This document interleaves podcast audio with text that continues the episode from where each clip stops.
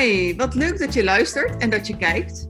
Welkom bij Op Zoek naar de Liefde. Mijn naam is Annette Burgers en ik ben stief- en relatiecoach in Rotterdam en relatiecoach in Den Haag.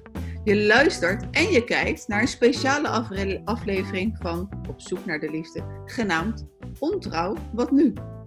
In deze serie spreek ik met een aantal professionals in Nederland. Vandaag is Patricia Heijen, directeur en founder van Stiefgoed, mijn gast.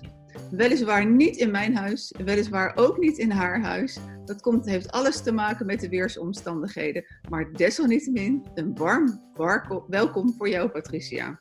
Dankjewel, Annette. Fijn dat ik er mag zijn. Ja, uh, de liefde. Nou, de liefde is voor jou uh, super belangrijk. Uh, wat is uh, überhaupt de betekenis van liefde voor jou? Oh, liefde voor mij is ehm, eh, warmte en geborgenheid. Uh, altijd bij, uh, bij degene terecht kunnen waar je van houdt en andersom.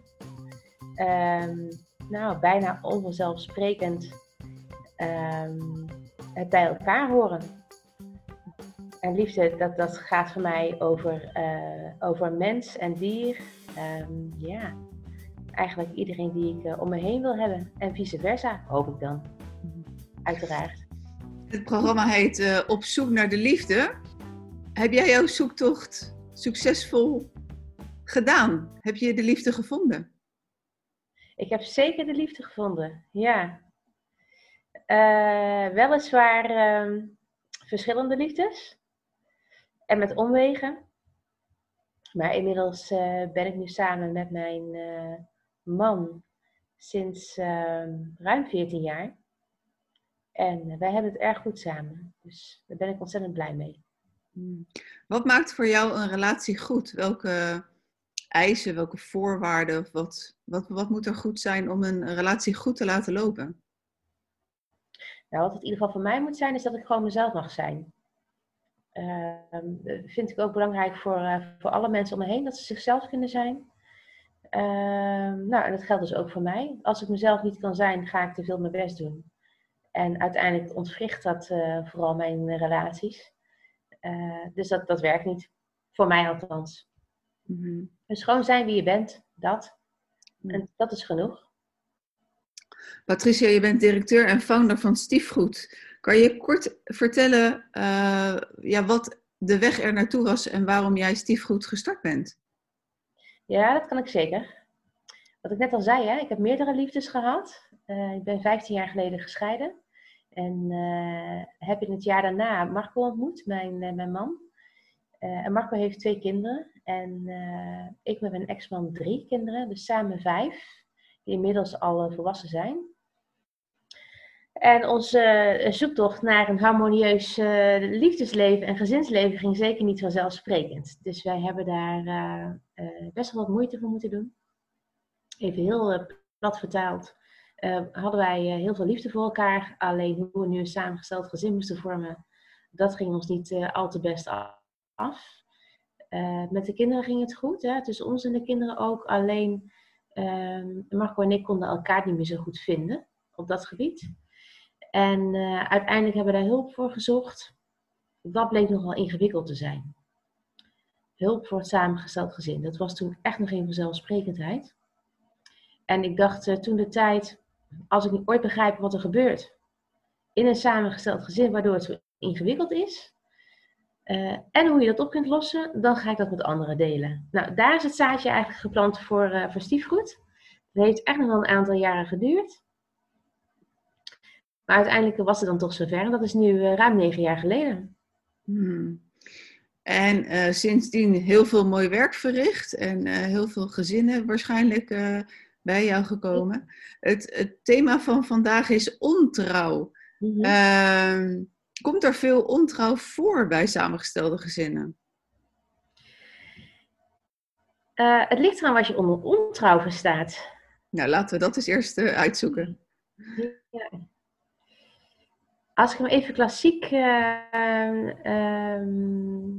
uh, beschouw, dan denk ik aan ehm, eh, op seksueel gebied vreemd gaan. Dus seks hebben met een ander, niet degene die, waar je een relatie mee hebt. En dan ook nog zonder toestemming van je partner. Dus hè, dat is voor mij de klassieke manier van, van ontrouw. Maar als ik kijk naar ontrouw binnen samengestelde gezinnen, neem nog even terug. als ik die, die definitie zou nemen en ik kijk dan naar samengestelde gezinnen, um, ik weet natuurlijk niet alles, maar dan heb ik de indruk dat dat niet zo vaak speelt binnen samengestelde gezinnen. Wel in, het, in een later stadium, als alles rustig is en het steeds meer naar een klassieke relatie toeneigt. Maar zeker in de eerste jaren niet. En dat is toch het moment waarop mensen bij ons komen. Als ik het heb over emotionele ontrouw, dan zie ik dat eigenlijk behoorlijk vaak binnen samengestelde gezinnen. En dat is ontrouw die uh, um, als ontrouw wordt beleefd, um, maar over het algemeen niet zo wordt gezien door uh, de partner. Kun je dit nou naartoe lichten? Ja, het is een hele cryptische omschrijving. Bijzonder cryptisch. Ik hoor het mezelf zeggen. Ja, waar ik het over heb, als ik het over ontrouw in een samengesteld gezin heb, en dan met name het koppel met een samengesteld gezin, uh, dan denk ik aan uh, het gevoel wat je kunt hebben um, uh, als je partner nog een relatie onderhoudt met zijn ex-partner. En dat is hopelijk aan de orde van de dag, hè, dat je als ex-genoten een relatie onderhoudt ten behoeve van kinderen. Alleen het is niet vanzelfsprekend dat je als nieuwe partner daar een, een plek in krijgt dus als je onderdeel uitmaakt van dat geheel. Dus je moet je voorstellen, even als ter illustratie, stel je voor dat, dat je een afspraak hebt met je, met je partner, dat je s'avonds lekker samen zal gaan koken en met z'n tweeën gaan Netflixen. Ik noem maar wat daarna. En vervolgens belt zijn ex-partner op, terwijl jullie aan het koken zijn. En hij draait zich van je af en hij loopt de keuken uit. En hij gaat bellen met zijn ex-partner. Op het moment dat jullie eigenlijk samen wilden zijn. Uh, dat kan al een gevoel van ten eerste uitsluiting geven. Het idee hebben dat je er niet bij hoort, wat in feite ook zo is.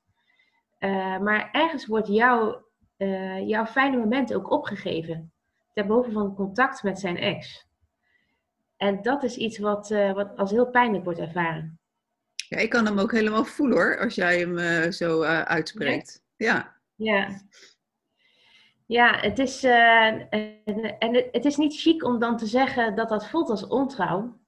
En ik denk dat het ook een iets te groot woord is. Maar het is wel um, dat moment waarop je je beseft van... hé, hey, hij heeft ook nog een relatie met iemand anders. Of hij is met iemand anders waar ik echt niet, niet bij hoor. Nou, dat. Mm Ja, en ik denk dat in veel van die gevallen, als, uh, als ik dan in de keuken zou staan, in, het, uh, in jouw voorbeeld, en ik zou koken, uh, en ik zou er iets van zeggen tegen mijn partner, dat dat ook niet heel erg uh, gewaardeerd zal worden door mijn partner. Als ik iets zou laten blijken dat, uh, dat zijn ex nu ons etentje verstoort. Tenminste, dat is ook wel wat ik terug hoor in de praktijk. Ja, zeker. Ik zeg altijd, als je ruzie wil hebben met je partner, moet je over zijn ex beginnen. Dat is altijd uh, erg goed materiaal om het uiteindelijk te laten ontvlangen. Uh, dus dat klopt, dat is waar. En um, voor je partner is het natuurlijk ook niet iets uh, wat gaat over, over niet trouw zijn aan jou. Um, je partner, als hij kinderen heeft met zijn ex-partner, heeft ook gewoon een zorgtaak. Zij heeft een verantwoordelijkheid. En ik weet uit de praktijk dat uh, men dan zegt: ja, het gaat mij helemaal niet over mijn ex, het gaat mij over de zorg voor mijn kinderen. En daarom moet ik een goede relatie met mijn ex onderhouden. Dat is de reden waarom ik tijd besteed aan, aan een ex-partner. Hmm. Maar goed, als nieuwe partner zijnde, uh, kun je dat wel weten, maar in je lijf gebeurt er gewoon wat anders in je lijf loop je, hè, als je gevoel zegt, mijn partner loopt hier gewoon de keuken uit en ik sta hier in mijn eentje. Wat gebeurt hier? En dat zijn ook de zichtbare, de zichtbare situaties. Hè? Het gebeurt ook heel vaak onzichtbaar. Dat er, uh, dat er een besluit genomen wordt door je nieuwe partner of door je partner. Het, ten gunste van zijn ex-partner of zijn kinderen. En in het nadeel voor jou. Ja, dat voelt wel als, uh, als zijnde dat je er niet bij hoort. Of dat je ja, er onvoldoende in meegenomen wordt. Dan kan het soms zelfs op verraad lijken. Heftige woorden, Annette? Ja, dat zijn heftige woorden. En, uh, maar het is wel wat, wat er speelt. Uh, dat wat je zei, hè? Uh, buitensluiten. En wat ik ook hoor, is dat vaak dan ook de exen ehm, ja, een, een, een fijne gevoeligheid hebben met betrekking tot wanneer ze zo'n berichtje sturen over de kinderen dat dat altijd is op zo'n moment van een avond waarop er geen kinderen zijn, waarop het, uh, het plan was om een romantisch diner te hebben, of als mensen een paar dagen weg zijn, uh, op dat soort mooie momenten, als, dan, dan komen die berichtjes. Ja, alsof het voor, vooropgesteld plan is, hè? maar dat is natuurlijk niet zo. Dat is natuurlijk niet zo. Nee, iedereen leeft gewoon zijn leven. En uh, het gaat ook voor mij, als ik iets te bespreken heb met mijn ex-man, dan stuur ik hem ook een bericht. Op het moment dat ik denk, ik moet iets bespreken met mijn ex-man. Er zit helemaal niets tussen natuurlijk. Dus dat, dat is gewoon het leven. alleen je hebt natuurlijk geen idee wat het betekent voor de nieuwe relatie van je ex-man op zo'n moment. Maar wat betekent het uh, over mij, hè? zeg maar als ik het voorbeeld ben uh, van de vrouw die in de keuken staat. Ja. En ik maak me daar heel erg druk om en denk, oh, gebeurt weer. We hebben weer een moment voor ons. En weer komt zij tussendoor met een berichtje en daar gaat mijn avond. Wat zegt dat over mij? Wat zegt het over jou?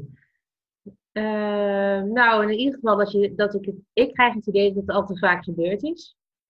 Dus dat er wel heel vaak een interruptie uh, plaatsvindt op het moment dat jij een, uh, een moment hebt met je partner. Dat het blijkbaar zo mag zijn dat hij gestoord mag worden op ieder moment van de dag. Um, en dat hij daar dan ook voor kiest om zich, hè, om, zich te laten storen. Mm. Dus dat, dat, is wat ik dan hoor.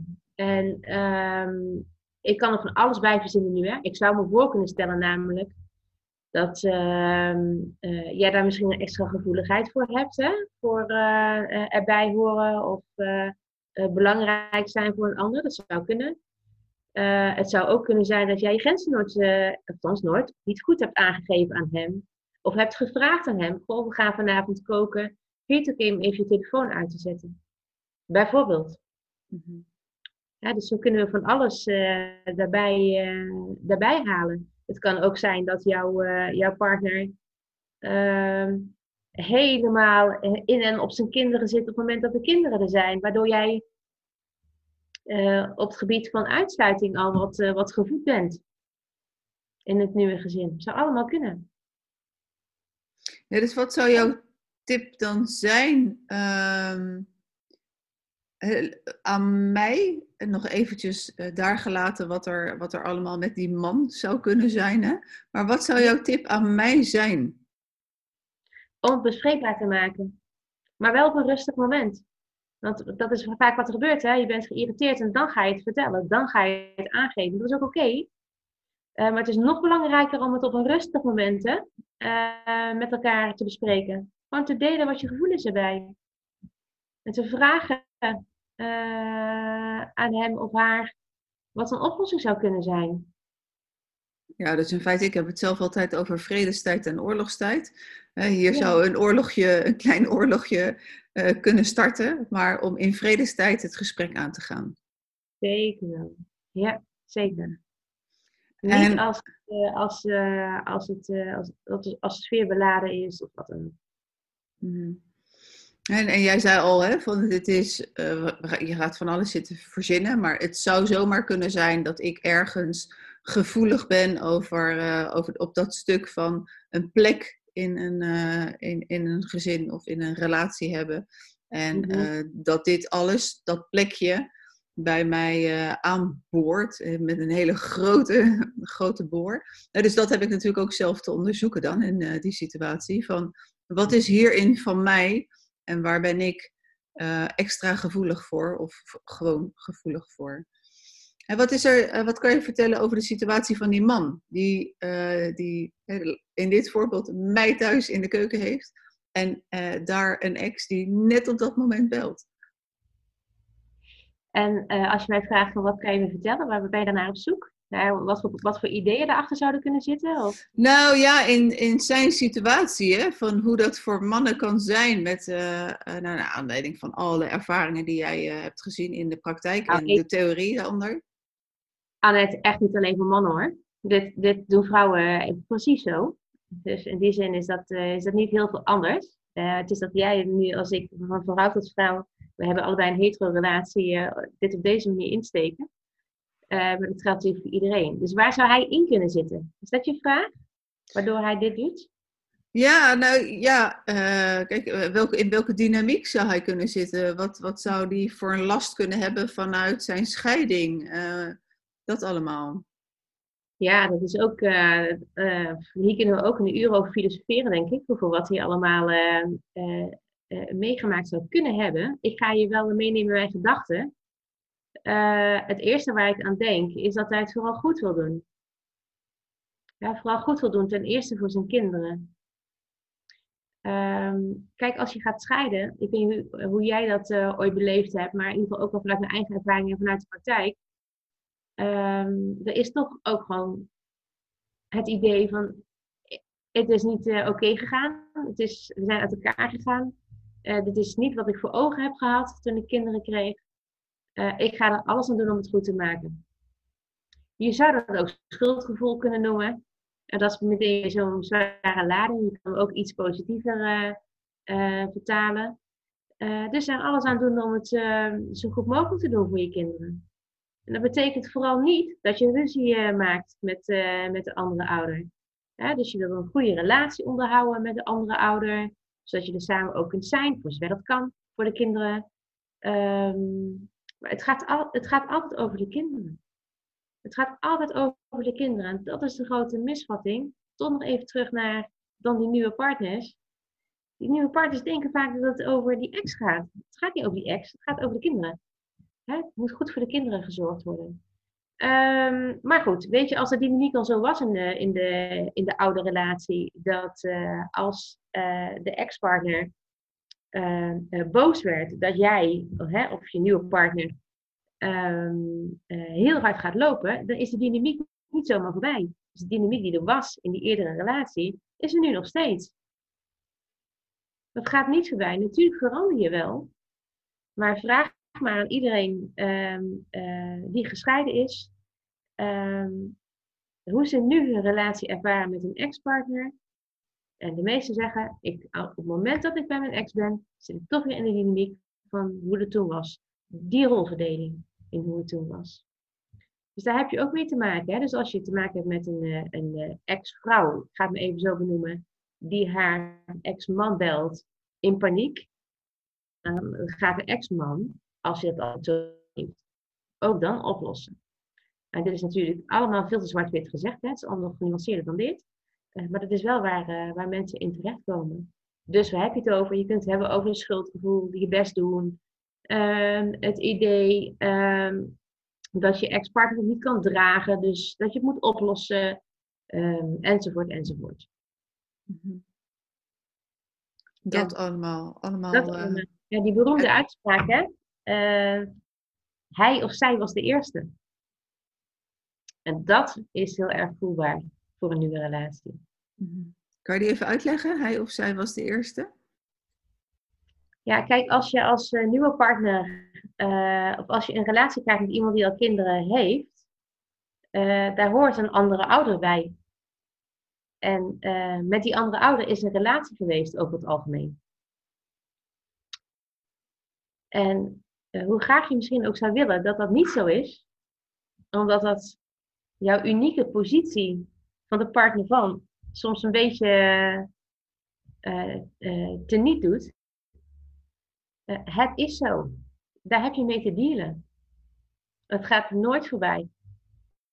En het is echt, hoe, hoe, eerder je dat kunt accepteren, dat je nu eenmaal, ja, heel oneerbiedig gezegd, de volgende bent, hoe makkelijker het voor je is. Ja, in feite is het een groot dankjewel aan de ex die hem heeft laten gaan. Nou, als bedoel... je positief kijkt, dan ja, is, uh, is, dat uh, hoe het is. Zeker, ja.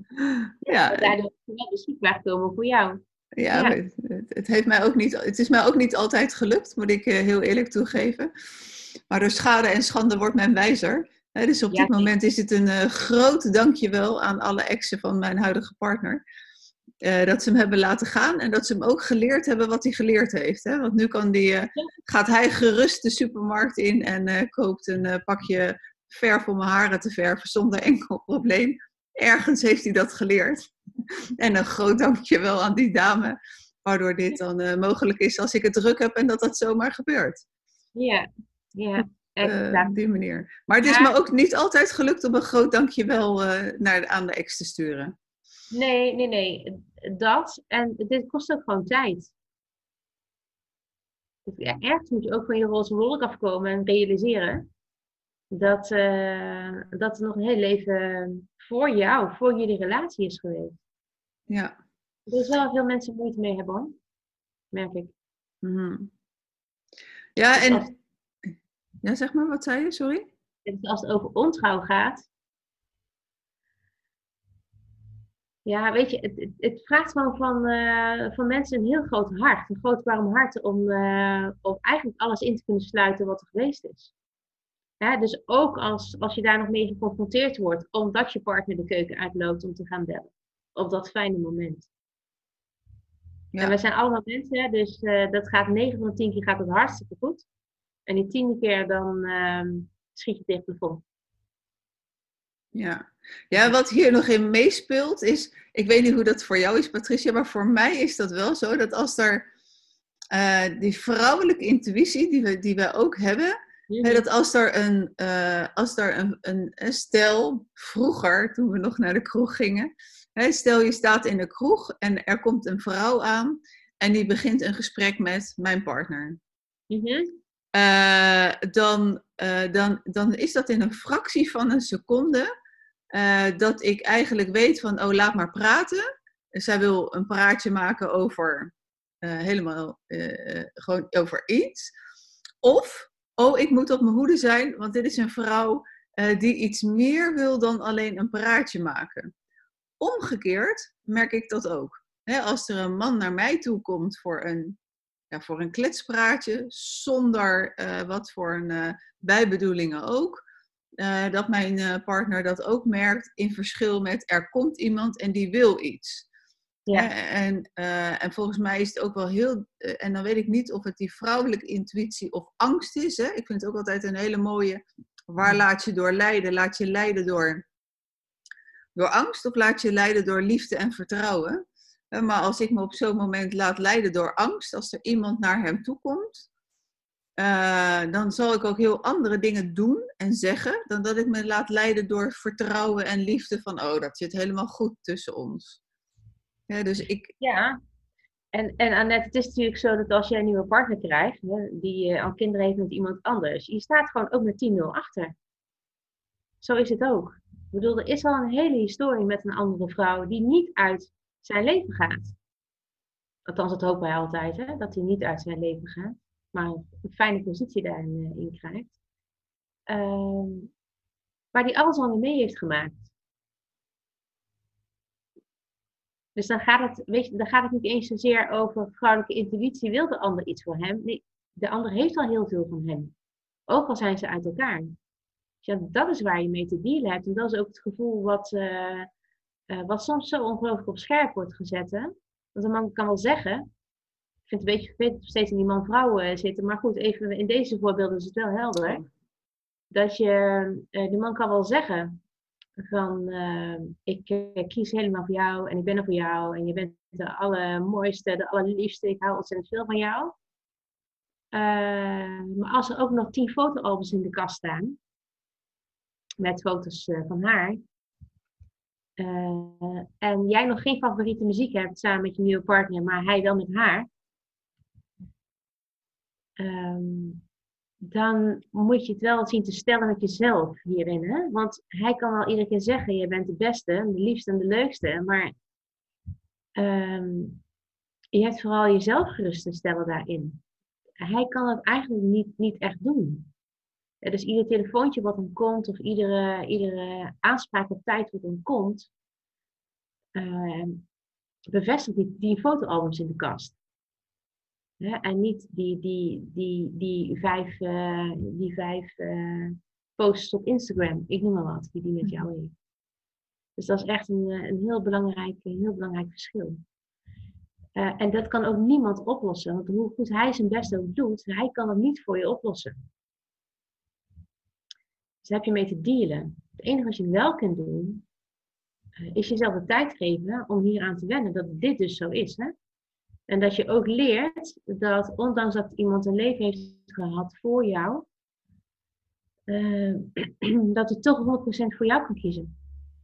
Dat, dat, dat hij echt doorgaat met zijn leven. Um, dat je te leren hebt om uit te spreken op het moment dat je denkt, ik weet niet precies waar het in zit, maar ik voel dat je nu over mijn grens ingaat. Of ik voel dat, zij, dat, dat jij haar nu ruimte geeft over mij, om over mijn grens heen te gaan. Ja, dus dat je dat uh, goed met elkaar bespreekt. Want er is hier helemaal geen goed of fout in, want iedereen doet gewoon precies zoals hij denkt dat hij moet doen. Uh, maar je moet daar wel een vorm voor vinden met elkaar. Want anders krijgt die ex op een veel te groot podium. dan, dan, dan wordt zo'n ex op zo'n podium gehesen. Alle, alle spotlights op haar gericht. En uh, dan zijn we met z'n allen naar haar aan het kijken. Terwijl zij alleen maar leeft. Ze is alleen maar ex. En moeder van de kinderen. En meer is het niet, hè? Op haar vervelende buien na. Want dat weet ik ook wel dat die er zijn. En uh, te, veel, te veel tijd geclaimd wordt. Maar dat is het. Mm maar dat is jammer, want het is ook gewoon een vrouw. Niet zoveel meer dan dat. Nee, precies. Ja. Nu hebben het uh, gehad hè, over het gevoel van ontrouw wat er kan heersen in het samengesteld gezin. Uh, als we eens naar een andere vorm van ontrouw gaan, of in de zin van, uh, ik denk dat wij best wel wat mensen, wat koppels in de praktijk krijgen, die elkaar ontmoet hebben vanuit ontrouw. Zeker. En uh, dat doet ook iets met de relatie, omdat dat uh, ja. de, sowieso voor hun eigen relatie, maar het zet de relatie met hun exen ook gelijk in zwaar weer. Kan je daar iets over vertellen? Ja, op een of andere manier merk ik dat ehm, ontrouw in ieder geval de maatschappij waar wij in leven, um, een heel, nou ja, boosheid, frustratie, alles wat, wat, wat negatief is, om er even zo te zeggen, qua gedrag, rechtvaardigt als er ontrouw is. En dat vind ik zo bijzonder. Uh, en, ik snap het, hè, want het is natuurlijk vanuit de maatschappij gevoed. Hè? Je bent niet ontrouw, dat, dat uh, doe je niet. Sorry, je zit een haar in mijn. Uh, dat doe je niet. En uh, ook als rechter. Dat is wel wat ik zie. En ehm, dat is ontzettend jammer, hè? want het is mijn overtuiging, maar volgens mij deel jij die ook. Dat het niet zozeer over het stuk ontrouw in dat moment gaat, hè, wat in, het, in, het, in, het, in de relatie heeft plaatsgevonden, maar dat ontrouw uiteindelijk een resultaat is van alles wat uh, niet goed gaat. Binnen de relatie of binnen iemand zelf op zo'n moment. Dus voor mij is het meer een vorm. Maar het is ongelooflijk bepalend over, uh, met betrekking tot de start van een nieuwe relatie. want als je nog een hele boze ex hebt, wat echt koude oorlog is, ehm, dan heb je het echt zwaar als nieuwe partner zijnde. Ja, dan, moet er ook een oorlog gemanaged worden. Ja, wat betekent dat voor de kinderen? Voor de kinderen is dat natuurlijk ja, ongelooflijk verschrikkelijk. Um, en ik vertel het even vanuit mijn visie. Wat ik gewoon meekrijgt van de kinderen, is dat zij eigenlijk gewoon nergens meer veilig zijn. Oorlogsgebied. als, ouders. In, maar we hebben het nu over een vechtscheiding. Hè? Dat is natuurlijk weer een aantal stappen verder. Als je daarvoor kijkt, uh, als er zo'n grimmige sfeer ontstaat. Ik weet niet hoe het met jou zit, maar als ik me grimmig voel, ik kan dat niet echt verbergen hoor. Daar doe ik wel mijn best voor. Maar uiteindelijk voelt iedereen dat wel als ik me grimmig voel. En dat is natuurlijk bij kinderen ook zo. Dat ze daar gewoon last van hebben. En zij gaan hun eigen verhaal maken. Dus ook als je als ouders hebt afgesproken dat jullie wel samen vechten, maar als je de kinderen er buiten houdt, ja, dat, dat denk je misschien. Ehm, maar dat is natuurlijk helemaal niet, uh, niet realistisch. Kinderen voelen dat allemaal. En als ze geen verhaal krijgen, gaan ze hem zelf wel organiseren. Gaan ze hem zelf bedenken. Dus zo, dus voor de kinderen is dat, een, uh, is dat gewoon ronduit een onveilige situatie. Mm Ja, dus dan wil je het eigenlijk beter hebben. Hè? Je gaat uit elkaar omdat je het beter wil, uh, wil gaan krijgen in je leven. Het past niet meer, het kan niet meer samen. Uh, en je bedenkt voor jezelf, ik ga er alles aan doen om het voor mijn kinderen zo goed mogelijk te doen. Maar dan toch kiezen mensen ervoor om de ruzie met de ex voor te laten gaan. dat het toch nog steeds gerechtvaardigd is om uh, de ruzie met de ex voor te gaan. Alsof dat belangrijker is dan het welzijn van de kinderen. Ja, er is vorige week heel veel uh, over te doen geweest. Hè? Er is een rapport uitgekomen. Uh, dat, uh, dat, ik zie daar ineens ook een hele golf van publicaties allemaal voorbij komen. Omdat een ruzie met een ex als gevolg kan hebben uh, tot ouderverstoting. Ja. Ehm, en, en, en, vanuit jouw visie, Patricia, hoe zie jij. Ehm, hey, er is ontrouw geweest, hè, om, om dit stukje dan maar. ik bedoel, ontrouw is ook een derde de oorzaak van alle scheidingen. Er is ontrouw geweest, je gaat uit elkaar. Ehm, eh, de, een van de partners wil dus verder met, met de nieuwe liefde, waardoor je in een samengestelde gezinssituatie komt. Er is nog oorlog met de ex. Uh, ja, uh, de, de, men laat dat voorgaan op uh, de, ja, alle liefde en, en opvoeding naar de kinderen toe. Wat is vanuit jouw optiek een oplossing hiervoor? Of een mogelijke oplossing? Um, nou, er zijn een aantal dingen, uh, aantal dingen die ik daarover kan zeggen. Uh, alhoewel dit niet mijn specialisme is, maar vanuit, hè, vanuit de praktijk meegekregen. Uh, wat ik bijvoorbeeld heel lastig vind, is dat uh, als mensen gaan scheiden, ehm, dat het niet per se zo is dat advocaten of mediators werken aan harmonie binnen het koppel wat gaat scheiden. En zeker niet als er twee advocaten uh, aangesloten worden. Dat iedereen, ieder kiest voor een eigen advocaat. Uh, want dan gaat toch het belang van je cliënt voor. Zo werkt het nu eenmaal. En dat gaat in mijn beleving vooral ook ten koste van de kinderen. Ja, dus dat, dat apart van elkaar scheiden, uh, wat jaren duurt vaak, onvoorstelbaar lang. Um, dat helpt helemaal niet mee in het, uh, in het creëren van, uh, van een veilige omgeving voor de kinderen. Het zet, het, zet, het zet ze toch tegenover elkaar, de ouders. En er is al zoveel tegenover elkaar als je uit elkaar gaat. Hè? Dus hoe fijn zou het zijn als iemand zou zijn die je juist bij elkaar brengt. Vanuit, uh, om te hebben over ouderschap. En ik weet dat daar nog heel veel omheen komt. Natuurlijk moet er veel geregeld worden, dat is allemaal waar. Uh, en, maar dat is mijn visie, er is niet zo belangrijk als ouderschap. Goed ouderschap. Uh, wat ik ook zie in de hulpverlening is dat het soms wel heel erg lang doorgaat. Om ouders nog steeds bij elkaar te houden. Hè? Dus dan gaat het over, over de as van veiligheid van kinderen. En dat zijn trajecten van jaren en jaren. Tien jaar is geen uitzondering. Dus zo'n kind zit dan zo'n tien jaar van zijn jeugd, zit hij, uh, is hij de dupe van de strijd wat plaatsvindt tussen ouders. Um, omdat men in Nederland ook vindt dat je samen ouders moet kunnen zijn. Ten behoeve van de kinderen. Dat zijn, ook, dat zijn ook zaken die volgens mij helemaal niet meehelpen. Soms gaat het ook gewoon niet. En dat het gaat gewoon niet, is vrij moeilijk te accepteren in Nederland. We doen er alles aan om dat juist te voorkomen. Maar mijn vraag is dan wel, waar blijven die kinderen dan hierin? Wat hebben die eraan? Dus zo. Ja, dus uh, ingewikkeld. Ja, het is hartstikke ingewikkeld, maar ik denk echt dat het begint bij het de, hoe men naar uh, in Nederland, hoe, hoe onze maatschappelijke visie is op, op ontrouw. daar begint het volgens mij al. En ik zeg niet dat dat verkeerd is, die maatschappelijke visie.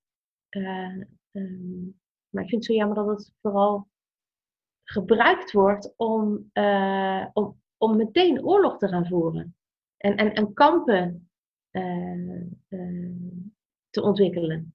Kamp voor, kamp tegen. Um, zo.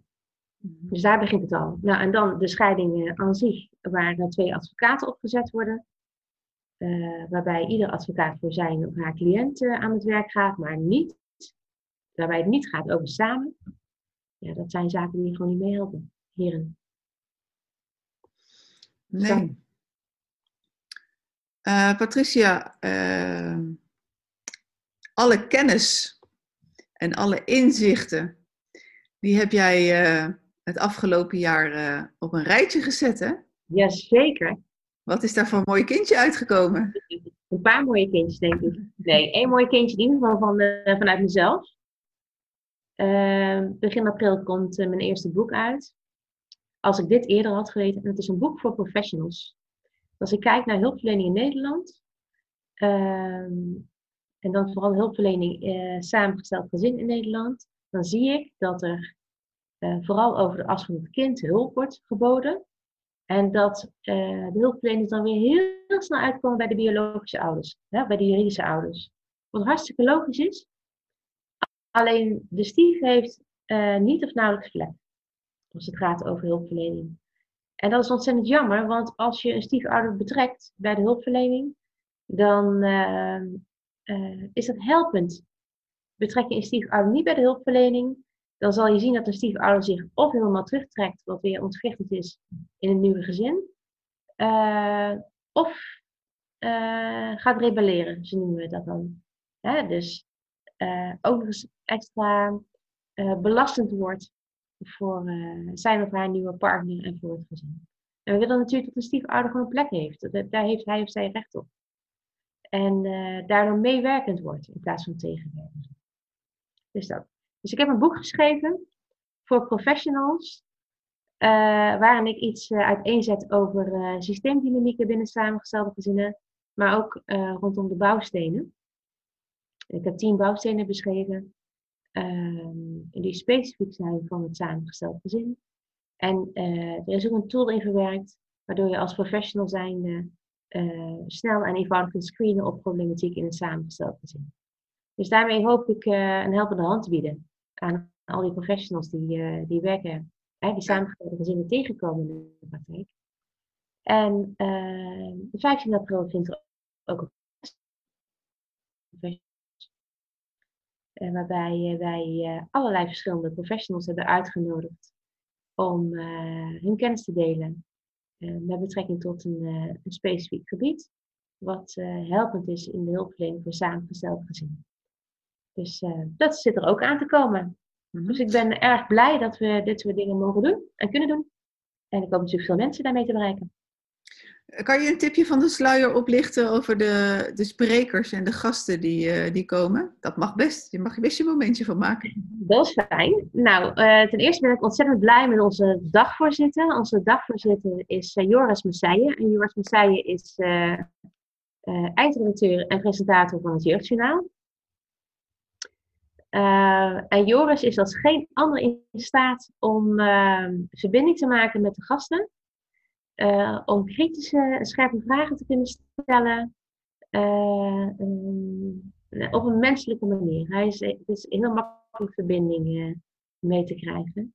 En het is natuurlijk een journalist, dus ja, weet je, dat is volgens mij het perfecte pakketje. Ehm, wij hebben uh, Inge van der Valk. Misschien bij velen van jullie wel uh, bekend. Assistant professor van de Universiteit van Utrecht. Uh, jeugd en gezin, dat is de divisie waar zij voor werkt. En zij komt ons iets vertellen over opvoeding in het samengesteld gezin. we hebben Cindy Schepers. Cindy Schepers is een relatietherapeut uit België die al sinds jaar en dag werkt voor samengestelde gezinnen. En uh, ook heel goed is in het uh, beschrijven van uh, manieren waarop je samengestelde gezinnen kunt hebben rondom, kan helpen rondom communicatie. Daar gaat zij ons in meenemen. we hebben Jan Hendrik Ravensloot. Ik noem me altijd onze professor verliefdheid. Dat is hij niet, hij is fysioloog. Heeft onderzoek gedaan naar verliefdheid. En hij gaat ons meenemen in een verhaal uh, wat er gebeurt uh, tijdens verliefdheid en wat het dus ook betekent uh, binnen zo'n nieuwe relatie met kinderen. nou, we hebben Marcia Pinedo die bij ons aan tafel aanschuift, buddies van Villa Pinedo, enzovoort, enzovoort. Dus we hebben een heel mooi programma. Ehm, ik zelf zal nog wat vertellen over de bouwstenen, over systeemdynamieken. Dus ja, eigenlijk voor ieder wat, wat wils. En wat we vooral willen is dat uh, hulpverlenend Nederland en uh, beleidsmakers in Nederland het, uh, de stief op de schouder meeneemt. Mhm. Mag ik nog ter aanvulling nog twee mensen noemen? Wam, wam, wam, ja, sorry. Wampie van Arkel, die is ook aanwezig. Ja, die is ook. Ja. Er zijn nog veel meer aanwezig. En, ja. en er komen er ook steeds meer bij. Dus dat oh, wat spannend. Ja, oké. Ja. Oké. Ehm, nou, Patricia, zo langzamerhand zijn we aan het einde gekomen van dit gesprek over ontrouw. En dan met, uh, met name ontrouw en het samengestelde gezin. Wat heeft dat met elkaar te maken? Ik denk dat je daar heel duidelijk uh, grote uitleg uh, over hebt gegeven. In de context van ontrouw en het samengestelde gezin, welke vraag heb ik je nog niet gesteld waar je toch nog antwoord op zou willen geven? Um, jeetje, Annette. Dat zou ik je zo niet kunnen zeggen. Ik denk, dit is wel is goed. Mm Oké.